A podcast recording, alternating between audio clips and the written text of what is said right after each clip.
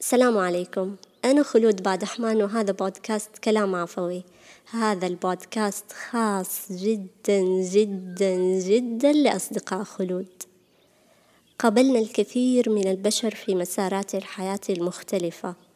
مشينا مع البعض كتفا بكتف واحتضنت أيدينا بعض الأيدي واصطدمنا بآخرين وشققنا دروبا بعيدة عنهم. وفي كل الأحوال ما نحن إلا معلمين لبعضنا. نحمل رسائل ودروسا بعضها حنون جدا والبعض قاسي.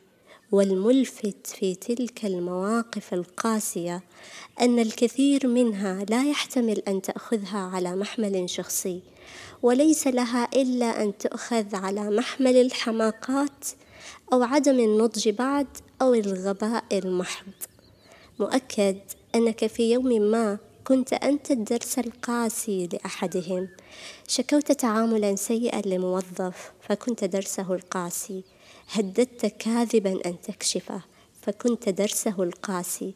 واجهت شخصا بحماقات تصرفاته فكنت درسه القاسي وغيرها الكثير من المواقف. أغلب العابرين الذين تضررنا منهم لم يقصدوا أذيتنا. ولم يفعلوا ما فعلوه بخبث ودهاء ولم تكن جريمتهم في حقنا مع سبق الإصرار والترصد. بيد أن منطقنا يختلف عن منطقهم وتفسيراتنا تختلف عن تفسيراتهم. سنكتشف مع الوقت أننا أخطأنا ليس في منطقنا بل في أن نعامل الناس به ونطلب منهم أن يحتكموا إليه.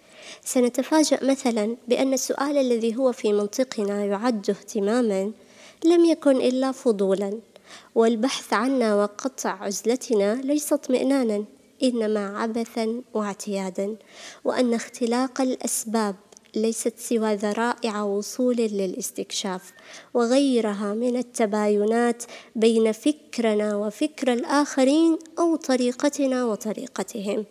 سندرك وننزعج جدا وربما نؤذيهم بحدة ليفهموا منطقنا وليكفوا عن التلاعب معنا. نعتذر للذين وضعتنا الحياة في طريقهم كدروس قاسية. في الحقيقة وددنا لو كنا درسا سهلا أو حصة فراغ أو معلما حنونا ومتساهلا ولكن رغما عنا وما كان باليد أي حيلة وبنفس نصيبكم من الأذى قد تأذينا لأن تلك لم تكن غايتنا ولكنها الحياة تجبرنا بأن نكون الدرس القاسي لأحدهم أحيانا. إن أجبرتك الحياة على ذلك وأخذت حقك كاملا من تلقين الدرس كن حنونا بعدها أو كن منصفا ولا تفجر في خصومتك. ومن الإنصاف أن تغادر وقد طويت كل الملفات ومهما كانت الجراح اجعل لهم حظا من الدعاء. ليصفو قلبك.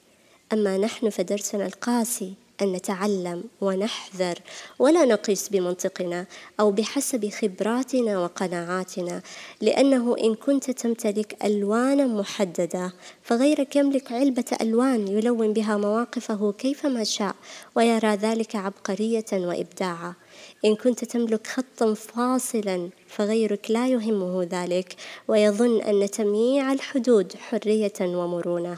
إن كنت تقيس وتحسب تبعات الأمور بدقة فغيرك لا يدرك ذلك تماما. مسؤوليتك دائما أن تحمي نفسك من منطق لا يمت لك بصلة لا يشبهك لا يأخذك نحو ما تريد. استحضر المواقف التي آذتك. ستجد أن القليل منها كان هدفه خداعك. وإن خدعت فلست أول من يخدع.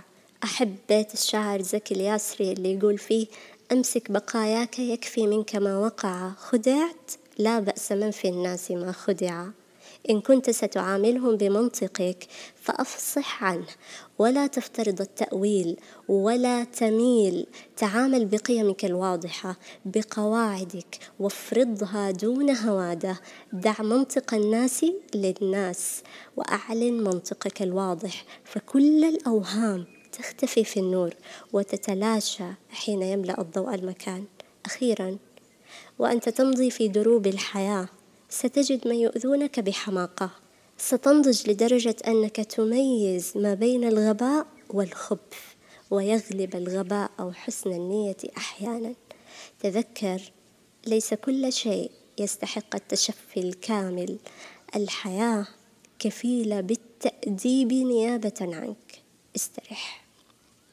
شكرا. لاستماعكم لا تنسوا تشاركوا الحلقة مع الناس اللي تحبوهم بس اللي تحبوهم ونلتقي بإذن الله تعالى في حلقات قادمة.